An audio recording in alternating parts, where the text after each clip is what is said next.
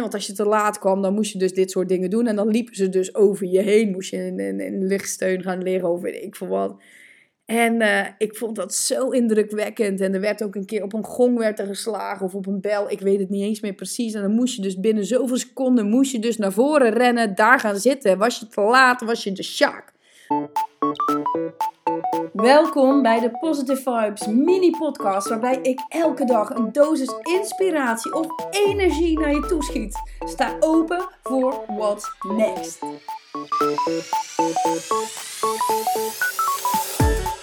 Hallo pieps. In het kader van stories van vroeger wil ik er nog eentje met jullie delen. En dat gaat eigenlijk over het kweken van karakter. Oh my god, vroeger, ik, ik keek heel erg op tegen de naam Bogaert. En uh, stond eigenlijk synoniem voor het hebben van karakter.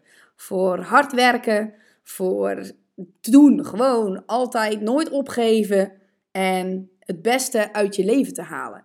En dat, was, dat nam ik heel serieus. Dat, dat gewoon een soort van, dat was een streven. Ik, ik ging daarvoor. En dat resulteerde in hele aparte dingen. ik heb echt dingen gedaan dat ik echt denk, wat fuck Noor, wat had je in je hoofd op dat moment? Ik was een keer heel erg ziek. Ik was een hele week was ik ziek geweest. En ja, ik was gewoon niet fit, maar fit genoeg op een gegeven moment om weer naar school te gaan. Wat had mijn moeder gedaan? Mijn moeder had een busabonnement gekocht. En dat busabonnement, dat was voor een week. En ik keek haar aan.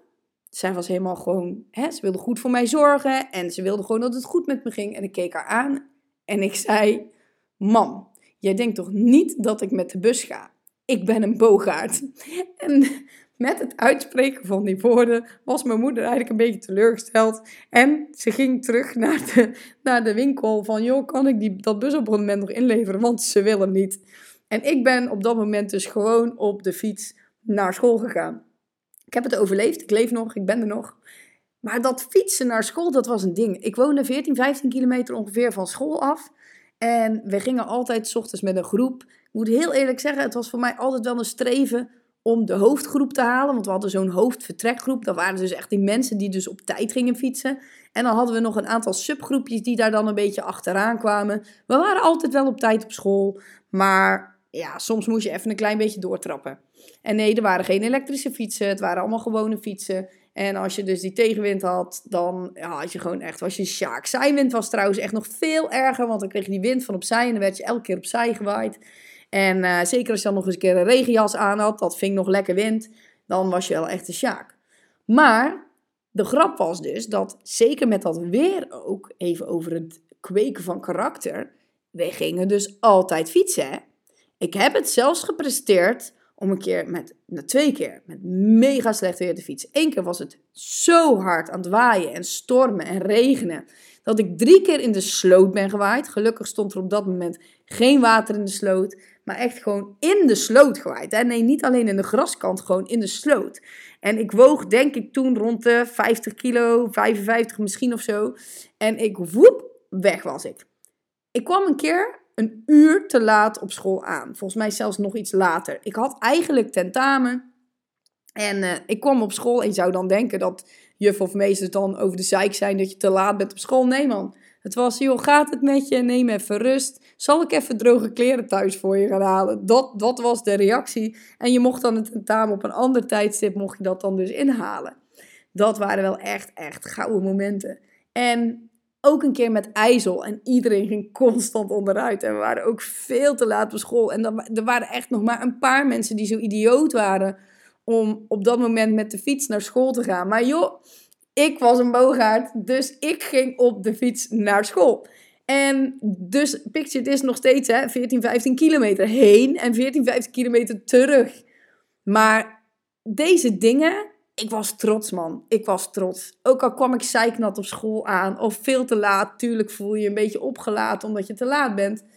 Maar, en dat is dus mega te laat. Maar oh, je was gewoon trots dat je dit had gedaan. Trots dat je dit had overleefd. En zo heb ik nog echt duizend voorbeelden van dingen. Het SIOS is ook een heel mooi voorbeeld daarvan. Zeker de intro met het SIOS. Ik ging helemaal stuk. We moesten op een gegeven moment bij de intro moesten onze, onze zak, onze uh, tas, Met alle spullen, met je slaapzak, met je kleding, et cetera. Voor, voor die midweek was het volgens mij. Moesten we allemaal leegkiepen in onze slaapzak. En daarmee moesten we een heel parcours af gaan leggen. Je zat nog niet gekoppeld aan een groep. Je kende nog geen mensen. Dus je bent daar als solopreneur, als eenling op dat moment. Ben jij daar? Ja, ondernemer ben je misschien nog niet op dat moment, maar je moet wel ondernemend zijn om dat hele parcours te overnemen.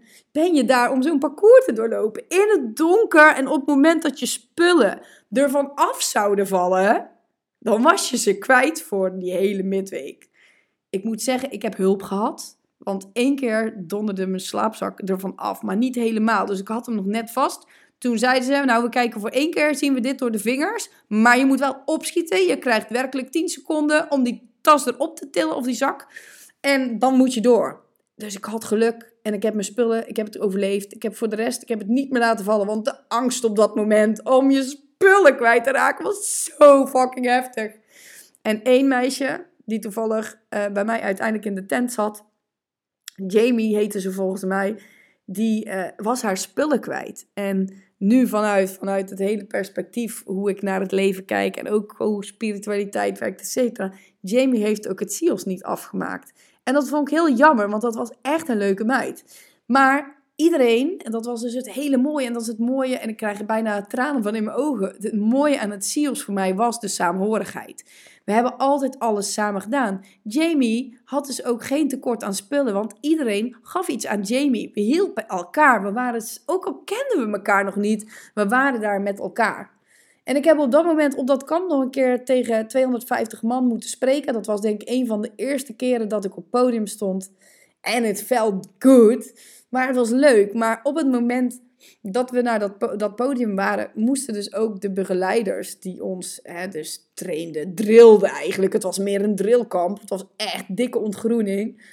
En want als je te laat kwam, dan moest je dus dit soort dingen doen. En dan liepen ze dus over je heen. Moest je in, lichtsteun gaan leren of weet ik veel wat.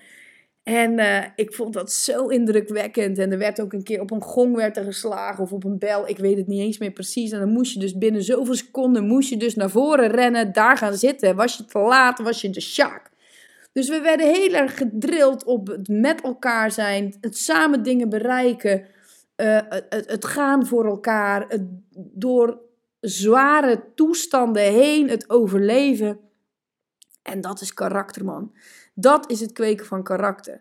Dat is dingen doen die je misschien niet helemaal leuk vindt. Dingen doen die zwaar zijn. Maar op het moment dat je ze hebt gedaan, heb je of een goed verhaal, of je bent fucking trots op jezelf, of je bent er sterker van geworden. Zowel mentaal als fysiek. En ik hoop dan ook dat een beetje met deze verhalen, dat je soms misschien hier inspiratie uit kunt halen om niet bang te zijn om iets te gaan doen. Ook al lijkt het moeilijk, ook al lijkt het ver weg. Maar er kan zoveel voor je in zitten om daarna precies datgene te doen wat je, wat, je, wat je kracht gaat meegeven, wat je karakter gaat kweken, waardoor jij staat als persoon, waardoor je weet wie je bent Waardoor je weet hoe je op jezelf kunt vertrouwen, hoe jij dit leven aan kunt. En ook in het maken van de keuzes met wie laat je toe in je leven, wat wil je met je leven en wat kun je aan. En waar is de grens? Kun je daar nog overheen? Dus daag jezelf uit, vind je eigen grenzen en fucking iedereen kan karakter kweken. Iedereen. Dus vertrouw op jezelf. Ga het uittesten, uitproberen of denk terug aan de situaties van vroeger. Wat deed je toen en wat doe je nu? En hoe zou je de dingen van toen weer kunnen gebruiken in nu en andersom? Dikke knuffel. Ik wens jullie alvast succes, kracht en sterkte om dit leven nu verder te gaan ontdekken en aan te kunnen en fucking nog meer karakter te kweken. You can fucking do it. Ciao.